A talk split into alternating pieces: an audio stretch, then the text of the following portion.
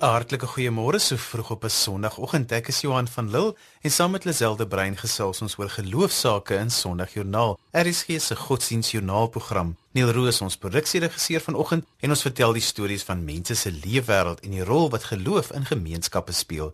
Jy kan saamgesels by die SMS nommer 45770 en elke SMS kos R1.50.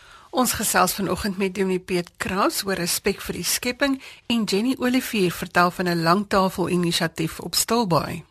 Dr Marina Strydom gesels oor 'n pad met God en laastens gaan Renier Cronje ons inspireer vir die week wat voorlê in ons gereelde inspirasie spasie. Sondagjoernaal is as 'n potgooi beskikbaar op RSG se webwerf by rsg.co.za. Ons gaste se detail is ook daar te kry. Ons is ook op die DSTV se audiokanaal 813 en op Facebook as Sondagjoernaal met 'n koppelteken. Jy kan saamgesels by die nommer 45770 teen R1.50 per SMS. Laat weet ons waarvandaan jy ingeskakel is vir oggend.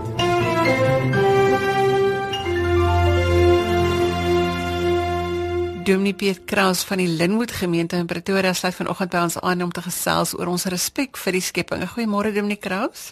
Goeiemôre Lisel, baie dankie vir die geleentheid. Jy het 'n besonderse manier van omgaan met die natuur in julle gemeente. Vertel vir ons daarvan. Ja, Ons vertrekpunt is eerstens dat ons glo dat God die skepper is en as God die skepper is dat ons respek moet hê ook vir die skepping. En ons as mense is rentmeesters aangestel vir God se skepping. En dit vind nou nogal redelik gereeld neerslag in byvoorbeeld ons eredienste. So ons sal iemand kry om te kom vertel van die boomplant projek wat ons in ons gemeente het en ons is ook redelik betrokke in ons gemeenskap. Die Moreletta Spruit Forum Hulle gebruik byvoorbeeld ons gemeente se fasiliteite vir hulle vergaderings en ook hulle byeenkomste en op dië manier is ons betrokke in ons gemeente en ons gemeenskap. Nou julle het nou al so wat 100 bome op die kerkterrein geplant, maar dit strek baie verder. Julle julle doen dit ook by skole, maar kan ek net eers gou by die kerk stil staan? Julle gebruik boomplant as simboliek. Ja, weet jy, dit is vir my van die heerlikste goed wat ons in ons gemeente kan doen. Eerstens ons fokus is daarop om inheemse bome te plant. So ons plant bome uit ons onmiddellike omgewing. Van die bome wat ons byvoorbeeld gereeld plant is rooi ifore. So rooi ifore kom natuurlik in ons omgewing voor. Maar ek verkies nogal dat ons dit nie in isolasie doen nie. Met ander woorde dat mense sê dis Piet wat die bome geplant het nie. Ek hou daarvan dat mense by betrokke moet wees daarbey. Uh so wyle terug het gemeentelede se kinders uit die FSA kom kuier en het ons 'n huilboom geplant. Nou was 'n heerlike geleentheid en ons het foto's daarvan geneem en in ons kerk gewys. Of ook wat al gebeur het met 'n geleentheid is met 'n doop, is dat die doopouers 'n boom geplant het. En dink net hoe fantasties gaan dit wees as hulle oor 15 jaar vir hulle tiener kan wys. Weet jy, ons het hierdie boom geplant op die dag wat jy gedoop is. Of so 'n kategese. So vroeër in die jaar het daar 'n jong man in ons gemeente belydenis van geloof afgelê en hy het as 'n seentjie voordat hy nog geskeur het het hy een van die bome van wykshout op ons gemeente se terrein geplant. Dan ook 'n ding wat ons daarmee saam doen is ons benaam die bome. So mense kan daar verbystap en dan is daar 'n boomplaatjie op wat sê hier is van wykshout of 'n wit stinkhout of heilboerboonboom en ek doen dit dikwels met verskeidenheid van mense, van senior burgers wat nou moeilik loop tot 'n uh, eh, klein groepies wat nou nadat hulle die boom benaam het of 'n boom geplant het, dan drink ons 'n bietjie 'n sundowner op die terrein. Dominee Kraus, wat is die geestelike impak van hier, al hierdie bome plant van hierdie projekte? Julle het nie net 'n boomplant projek nie, julle het ook 'n herwinningsprojek. Ja. Weet jy, ek dink van die belangrikste goeders is is dat ons vir mense wil naderbring aan God en nader aan mekaar. So as ons hierdie goeders doen, dan is dit heeltyd binne in die gemeenskap en die gemeenskap sodat ons nader kan beweeg aan God. Ons as mense staan nie in isolasie van die skepping nie. Ons kan byvoorbeeld nie as daar 100 kroes is, al die kroes opskiet en dan nou reken ons kan net voortgaan so wat ons doen nie. Ons moet op 'n manier sê ons moet verantwoording doen vir die manier waarop ons leef in God se skepping. So ons herwinning projek uh dit strek nou oor so 2, 3 pastoreë binne in ons gemeente en ons kerkkantoor gaan ook binnekort begin met herwinning. Het jy geweet byvoorbeeld dat papier tot 8 keer herwin kan word en materiaal soos glas nê is onuitputbaar, herwinbaar as ek dit so kan stel. En ons probeer nou nogal vir mense bewus maak daarvan om hulle te sê, weet jy wat, ons kan nie net weggooi nie. Ons leef in 'n samelewing waar mense op 'n angswekkende manier weggooi. en dan nou dit sommer net doen asof ons dit geen invloed op ons het nie. Ons probeer nogal sê nee. Ons probeer daai materiaal herwin en herbruik en ons probeer dit ook op ons eie terrein doen. En nou is dit soos met alle dinge, een ding lei tot die ander. Jy het ook 'n komposprojek. Ja, kompos is nou nogal een van my groot passies. Daar's meer as een keer al wat mense vir my gesê het maar 'n uh, komposgat of 'n komposhoop stink. Weet jy dit hoef nie so te wees nie as mense dit reg bestuur en jy gooi groen en takkies en dooie blare en 'n verskeidenheid van goeders, dan gee dit byna geen reuk af nie. En die reuk ruik baie keer eerder na aarde as wat dit stink. So ons kompos by ons gemeente gebruik ons byvoorbeeld om die inheemse bome mee te voed of as ons die bome plant, dan gebruik ons van ons eie kompos om dit te doen. Nou kompos kom nie net van grassnysels af nie, maar ons het nou al indringerplante op ons terrein uitgehaal en dan uh, versnit ons dit. Die Engels is ons chip dit en daai chips of daai snysels is uitstekend vir kompos en ons gebruik dit op ons eie terrein. So een van die beginsels wat jy hoor is dat 'n mens nie noodwendig 'n klomp goeters hoef in die terrein in te ry en dan weer 'n klomp goed uit te ry nie maar ons probeer verantwoordelik op ons eie terrein te leef uh deur die kompos wat ons maak op ons eie terrein te gebruik ook. Dink jy mense raak meer bewus van hulle ekologiese verantwoordelikheid?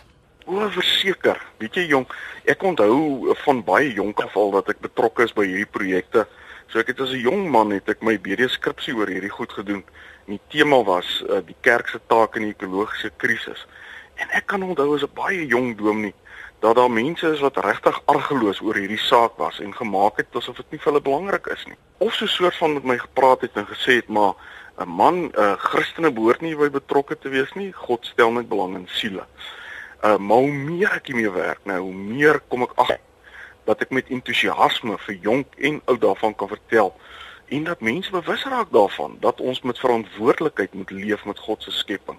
Die duidelikste voorbeeld wat ek kan noem is by ons afgelope streeksenode sitting. Uh weet jy kon mense kies waarheen hulle kon gaan op 'n stadium toe ons in klein groepe gedeel het. En amper 'n derde van die senode het gekom om te luister hoe begin 'n mens se ekologiebediening in jou gemeente.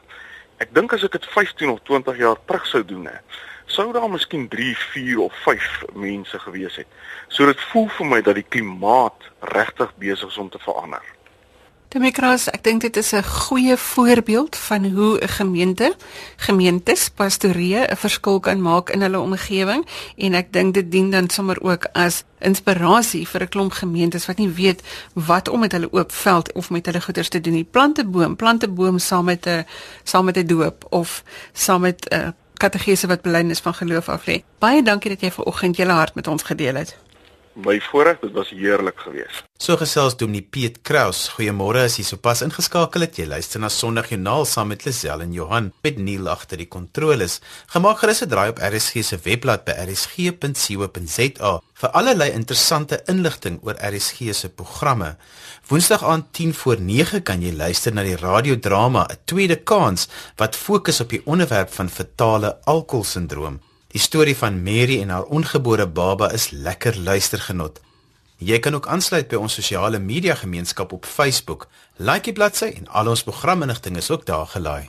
Dr Marina Strydom is van die Ooskerk in Pretoria en sy fokus daarop om mense op 'n reis te neem na 'n dieper verhouding met God. Sy sluit vanoggend by ons aan om hieroor te gesels. Goeiemôre Dr Strydom. Môre. Ons hoor dikwels mense sê die gebedsweek was my lekker of ek het baie uit hierdie Pinksterreeks gekry, maar na 'n week of twee dan is hierdie inspuiting uitgewerk en dan sit hulle die Bybel eenkant. Hoe kry mense dit reg om konstant jou geloof as inspirerend te beleef? Ja, ek dink dis nogal 'n algemene tendens dat mense dit sal sê na so kom ons sê so 'n bergtop tipe ervaring. Mense sê dit baie dikwels ook na 'n kamp of na een of ander dieper geestelike belewenis. En ek dink die groot ding is maar dat 'n mens moet besef dat, dat ek op my eie ruimte moet maak vir 'n verhouding met God in my eie lewe. So die implikasie sou wees dat ek nie net dit wat ek by daai spesiale geleentheid gekry het sal vat en dan nou vir weke of vir maande op daai golf wil ry nie. Maar dat ek eintlik sê hierdie was 'n goeie belewenis en om dan terug te gaan na my eie lewe en elke dag 'n bietjie tyd alleen met God spandeer. So ek dink dis die goue sleutel. Dis so half die ehm um, misterieuse bestanddeel om my te help om regtig elke dag my verhouding met die Here inspirerend te ervaar om tyd alleen met God te spandeer. Dis natuurlik vir mense moeilik want ek dink oor die algemeen is mense nie heeltemal seker hoe om dit te doen nie. Maar dit is eintlik eenvoudig dat jy letterlik as jy glad dit nie doen nie, net so 5 minute op sy sit en net met die Here praat oor wat ook al in jou hart is en dalk 'n stukkie uit die Bybel lees. Maar om net te begin en 'n bietjie tyd saam met die Here te spandeer, so gereeld as wat jy kan. Marino, is daar 'n verskil tussen 'n kliniese en 'n geïntegreerde spiritualiteit? Wat is 'n spirituele bewustheid? Ja, ek dink daar's 'n baie groot verskil is wel 'n kliniese tipe spiritualiteit of 'n meer rasionele spiritualiteit waar ek absoluut net op my my rasionaliteit en intellektualiteit steun. Beteken dat ek 'n klomp goed verstaan oor my geloof en 'n klomp goed verstaan oor hoe ek in 'n verhouding met God moet leef. Maar dit is nie noodwendig by daai dieper dele van my, by my emosies en by my hart en by my diepste motiewe uitkom nie. So ek dink my fokus sou byvoorbeeld wees om mense daarin te begelei om te sien dat God letterlik in alles is in my lewe. So in die in die goeie goed wat gebeur, in die slegte goed, in die uitdagende dinge in my lewe. En om God nie net te beperk tot 'n manier van dink nie, maar om regtig te besef dat God met my hele lewe wil wil integreer. Ehm um, ek dink net sommer so aan aan so 'n aanhaling wat ek so ruk terug gelees het wat ek dink dit vir my vreeslik mooi verwoord. Dit sê if you want a spiritual life, you must unify your life. A life is either spiritual or not at all. En wat wat hierdie aanhaling sê is daar's nie 'n enkele aspek in my lewe wat ek nie voor God leef nie. Selfs daai goed wat ek tradisioneel sou uitsluit by 'n verhouding met God. So as ek meer geïntegreerd my verhouding met God sien as alles in my lewe, dan begin dit regtig my lewe infiltreer en dan word dit 'n deel van wie ek is en van hoe ek elke dag leef. Hoe moet ons as gelowiges dan nou tussen ander mense lewe want daar's baie invloede wat jou kan wegtrek van jou spiritualiteit. Ja, definitief. Ek dink een van die groot goed vir baie van ons is dat ons beleef die stem van die mense in die wêreld tussen wie ons elke dag leef as nog 'n harde stem wat ons wegtrek van die sagter stem waarmee God in ons lewe besig is. So Ek dink aan die een kant is dit definitief belangrik dat ek genoeg tyd met God spandeer sodat ek God se stem al beter leer ken wanneer ek tussen ander mense leef. Maar 'n tweede ding wat ek dink baie belangrik is is om bewus te wees van myself en om my eie optrede raak te sien. So om met ander woorde elke nou en dan vir myself te sê, hoekom het ek nou so opgetree? Of hoekom het ek op hierdie manier gedink? Of op hierdie manier met iemand gepraat. En as ek myself so kan waarneem en myself op hierdie manier kan sien, dan begin ek verstaan dat God regtig deel wil wees van elke aspek van my lewe. En dan verander die manier hoe ek met met mense praat en die manier hoe ek met mense ehm um, gesprekke aanknoop, hoe ek konflik hanteer, uh, hoe ek reageer as iemand my seermaak. Dis natuurlik 'n stadige proses. Ek dink dit dit gebeur nie so vinnig soos wat ons graag wil hê dit moet nie. Maar die Here is mos maar gelukkig met ons almal op pad. Kom ons raak gou prakties. As ons nou daai 5 minute moet stil raak saam met die Here wat almal nie regtig weet hoe om te doen nie. Wat sou 'n praktiese leiding gewees het van jou af? Kom ons sê so 3 kolpunte oor hoe ons daai 5 minute kan inrig. Hoe ons daai eerste stap kan gee om dit wel te doen. Ja, ek dink die die eerste ding vir vir in ons tradisie sê ons altyd dat die uh, as ek tyd met God spandeer, is daar so half twee bene waarop ons staan. Die een is die Bybel en die woorde van die Bybel en die ander is is gebed of dan gesprek met God. En mense het 'n vreeslike tradisionele idee van wat dit is en dit sit baie mense af om tyd met God te spandeer. So ek sou sê 'n eerste punt sou doodgewoon wees om rustig te raak en my hart voor die Here oop te stel en te sê Here, hier is ek met alles in my lewe. Dit sou 'n eerste stap kon wees. 'n Tweede stap sou kon wees om 'n stuk in die Bybel te kies en hier kan 'n mens van iets soos die leesrooster gebruik maak of jy kan doodgewoon 'n boek, 'n spesifieke Bybelboek begin lees, so sê nou maar Johannes of 2 Korintiërs 5 en elke dag net 'n klein stukkie lees en kyk watse verse is daar wat na my toe uitspring en wat reg op 'n diep manier met my praat. En om dan 'n bietjie met daai vers te sit en te sê wat sou die implikasie in my lewe wees? Waarvoor roep God my deur hierdie vers en hoe wil die Here my lewe verander deur hierdie woorde wat ek gelees het. En dan sou die derde punt wees om met die Here te praat daaroor. En ek dink hier's 'n paar maniere van praat. Die een manier sou kon wees dat ek pertinent hardop met die Here praat. Dis partykeer vir ons vreemd of moeilik en dan is die ander tradisionele manier dat ek in my kop met die Here praat. Dis ook partykeer vir mense moeilik, maar 'n derde manier wat ek dink baie mense nog help is om hulle gebed neer te skryf. So om letterlik 'n boek te kry waarin jy jou gebede vir die Here neerskryf as dit vir jou moeilik is om verbaal of in jou kop te praat. En dan is daar 'n belangrike vierde manier wat wat ek graag vir mense leer en dit is dat wanneer ek klaar met die Here gepraat het en ek het gesê amen, beteken dit nie noodwendig my gebed is verby nie sodat ek dan die laaste rukkie van daai tyd wat ek by God spandeer, net in stilte by die Here sit en myself net oopstel vir die Here se teenwoordigheid en nie onmiddellik opspring en met my eie agenda begin en die dag se gejaag toelaat om my weer in te sluk nie. So basies daai daai vier punte. Bietjie stil, kyk nou 'n stukkie in die Bybel, praat met die Here en stel myself dan in stilte oop vir God se teenwoordigheid. Jou praat met die Here hoef nie noodwendig net in jou binnekamer te wees nie, nee. Dit kan eintlik op die bus wees of wanneer jy ry of wanneer jy stap of wanneer jy besig is met iets. So as jy dit nou vir oggend jou 5 minute gemis het, dan beteken dit nie jy het gemis nie. Daar is altyd iewers tyd wat jy wel daardie gesprek met die Here kan hê. Ja, natuurlik. Ek dink daar's dit gebeur in elk geval as 'n mens nou sê jy's 'n gelowige mens wat erns maak met die Here, dan staan in elk geval daai gesprekke deur die loop van die dag. Maar ek dink dit is tog belangrik dat mense nou en dan vir jouself sê daar's tyd wat ek pertinent ehm um, afsonder om tyd met die Here te spandeer. So as ek nou vandag mis, die Here gaan my nou definitief nie met 'n weerligstraal tref omdat ek nou nie die tyd met die Here spandeer het vandag nie. Maar ek dink dit gaan vir my gaan die ehm um, tyd wat ek by God spandeer gaan oor daai prosesse waarmee die Here in my lewe wil besig wees. So ek doen dit nie in die eerste plek vir die Here nie. Ek doen dit omdat ek al meer gevorm word om sy mens te wees. So dit is so as ek die tyd mis, dan dit dan dit oukei. Ehm um, dan praat ek met die Here wanneer ek ook al wil, maar om om dalk tog te probeer om so hier en daar spesifieke tyd vir die Here te gee. Dankie Marina, dankie vir die saamgesels vanoggend. Dankie Lisel. Lisel het gesels met Dr Marina Strydom.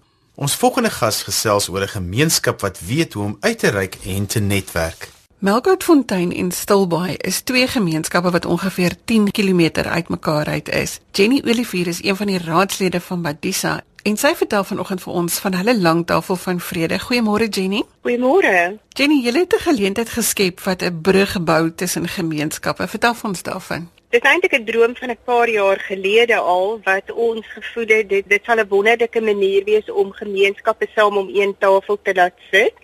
En ek het op televisie gesien hoe hulle lang tafel op Tafelberg het en dat die opbrengs vir ehm um, liefdadigheidswerk gaan en ons het net eintlik gevoel ons wil uh, dit na die mense toe neem en dat dit dan 'n gemeenskapsete moet wees. En hoe het julle te werk gegaan om hierdie ding gereël te kry want daar was 'n magton mense by hierdie tafel gewees. Daar was die eerste keer wat ons dit gedoen het in 2015 was daar ongeveer 1100 mense en in verlede jaar in 2016 was daar 1300 mense. En hoe het julle gewerk om dit gereël te kry? Die gemeenskap was almal betrokke. Ons het dit albei gemeenskappe betrokkenheid gehad en dit kom eintlik 'n lang pad want ons is nou al 10 jaar betrokke in Melkoutfontein met mense uit beide gemeenskappe wat met 'n nasorgprojek en 'n vroegkinderontwikkelingsprojek en ook dan omdat dit Padisa se vennootskap met ons vrywilligers is het ons dan ook geleentheid om met die ouers van ons kinders te skakel want dis nogal waar daar 'n groot leemte lê. Met ander woorde, ons het darem al 'n deur oop na die gemeenskap toe en ons het uit beide gemeenskappe mense wat so 'n reëlingskomitee gestig het. Aanvanklik het ons maar begin met die droom en toe het ons ons munisipaliteit genader want om soveel mense aan 'n tafel te laat sit met stoele en al die nodige dinge was nogal 'n groot uitdaging. En hulle het heeltemal ingekoop en aan boord gekom en daarna het ons van ons sakemense betrokke gekry. En ons komitee het elkeen na hulle onderskeie gemeentes teruggegaan en gaan vra hoe hulle ons kan help. En op dié manier het ons die werklas verdeel tussen al die gemeentes en verskeie gemeenskapsorganisasies en sakemense in Stilbaai. So dit het gebeur dat sommige gemeentes die wortelslaai maak en ander gemeentes maak die aartappelslaai. So die totale gemeenskap het hieraan deelgeneem. Absoluut. Ons het binne in Melkoutfontein is daar 'n klein aftreë oord wat eintlik heeltemal ontstaan het uit 'n gemeenskapsprojek en hulle kom wys het byvoorbeeld vir ons die aartappelslaai gemaak, maar die VGK gemeente het van hulle arbeid um, oorgedra en hulle het nou weer daai mense gaan ondersteun. So ons het al die uh, benodighede aangekoop, maar al hierdie mense, die ouete huis in Stilbaai weer het wat ook 'n uh, deel van Badisa is, het weer die wortelslaai gemaak. En ander gemeentes in Stilbaai het weer die ander slaaie gemaak. Ons het 'n groep mans oor al die gemeentelede wat eintlik meestal golfspelers was wat die eerste jaar vir ons hoender en wors gebraai het so in die middel van hierdie area waar ons na die tafels uitgesit het. En hoe betrokke was die stadsraad enigsins by die projek? Weet jy, hulle betrokkenheid was dat hulle uit al die dorpe, want ons streek is Hessequa munisipaliteit, so dit strek van Heidelberg af tot by Gouriko, Gouritsmond. En al hulle gemeenskapsale se stoele en tafels was van daar af deur die munisipaliteit aangery na Melkoutfontein toe en daar het ons die ingang van die dorp is 'n is omtrent seker so 'n kilometer lank en ons het letterlik van die een punt af begin en 'n dubbel looptafel wat aan een loop gedek. En wat het julle gemaak met versierings en musiek, Jenny? Weet jy, ons het die eerste jaar het ons absoluut geen befondsing gehad nie. So ons het sommer 'n plaaslike orkesie genader en hulle het opgedaag en hulle het die mense die hele tyd vermaak met musiek. Maar dit was maar baie skrap se ehm um, klanktoerusting en so aan, maar ons het dit dit was die eerste keer ons het gevat wat ons tot ons beskikking gehad het. So dit was dit en Daardie jaar het ons spesifiek silwer ballonne gehad. Ons het wit vlaggies in ons projek het ons twee naaldwerk groepe en hulle het letterlik vir weke en maande aan een wit vlaggies gemaak wat ons aan mekaar gesit het. So vir daai hele kilometer het dit bo oor die tafels heen en weer geweef en dan silverballonne het ons toe op verskeie plekke ons het 1000 silverballonne met helium gevul. Daar's ook 'n besonderse boodskap in die heliumballonne dit was eintlik treffend. Dit was nie beplan nie, maar hierdie goed loop altyd saam. Ek glo altyd dis amper soos die uh, soos die disippels wat uit die boot uit moes klim. Ons het maar net die, in die water op die water begin stap en geglo en geloof en daar het geweldig baie goed gebeur wat eintlik kosbare simboliek ingeweef het wat ons nie spesifiek beplan het nie. Ons het die silwer ballonne gehad en ons het die hele dag die helium ingeset en toe ons nou die middag net voor ons begin by die ete toe is daar nou twee kamers wat silwer silwer plafonne van helium ballonne het en um, een van die dametjies wat vir ons vrywilliglik in Melkoutfontein, sy kom na ons koop vroue groep toe, kom vra het vir my maar hoe bly hierdie ballonne in die lug en ek vertel toe haar verhaal van die gas, maar sy kon dit glad nie verstaan nie. En iemand wat ons nou al omtrent 'n jaar lank gereeld vir ons geestelik bearbei het en vriendskappe gebou het met die dames in Melkoutfontein, het ek gevra om die aand sommer net ietsie te sê om die ballonne as ons dit nou vrystel want ons het kinders uit alle ouderdomsgroepe gehad wat met hierdie bondels ballonne daar gestaan het. En sonder dat sy geweet het wat my gesprek was, het sy toe vertel van ballonne wat amper dit is soos die Heilige Gees. Sy gebruik dit die simboliek. As ons vol van God se Gees is, dan kan ons bo ons omstandighede om opstyg. En as jou ballon nou net vol van jou eie asem is, dan bly jy maar hier onder op die grond langs broeg en sukkel. Dit was iets wat nou nog oor gepraat word in die gemeenskap. Jenny ons vertel vanoggend hierdie storie omdat dit 'n absolute besonderse voorbeeld is van hoe gemeenskappe kan saamwerk, hoe hulle verskil kan maak en hoe hulle mekaar beter kan leer verstaan. Baie dankie dat jy vanoggend julle storie met ons gedeel het. Dit was 'n groot plesier en baie dankie dat julle ons genader het. Ek dink Melkoutfontein se mense sal oor die maan wees om te dink dat hulle stories so ver al trek. Die storie van Bedisa wat saam met verskeie ander rolspelers 'n besonderse brug tussen gemeenskappe bou. Dit kan gedoen word as iemand die eerste tree gee. Lisel was in gesprek met Jenny Olivier van Stilbaai. Volgens aan die beurt is ons inspirasiespasie. Ek gesels vanoggend met Renier Kronje. Hy is 'n lewensafrigter en hy gaan ons help om te verstaan dat ons van mekaar verskil en hoe dit ons geloof beïnvloed. Goeiemôre Renier. Goeiemôre Lisel. Renier, hoekom is dit nodig dat ons weet dat ons verskillende persoonlikheidstipes het en hoe dit ons geloof beïnvloed? Weet jy, ons is geneig om te aanvaar maar hoekom dink ander mense nie soos ons nie of hoekom ja, dink hulle anders en wat is wat is fout met hulle en hoekom kan ons kan ons almal nie net op dieselfde bladsy wees nie? En die persoonlikheidsprofiel waarmee ek werk is die Enneagram en ons identifiseer nege verskillende dryfvere en dit bepaal letterlik hoe jy alles in die lewe doen en hoe jy alles interpreteer. En ja, dit kom uiteindelik neer op 'n persepsie voorkeur van jou brein en hoe die hele wêreld vir jou lyk en hoe jy dit beleef.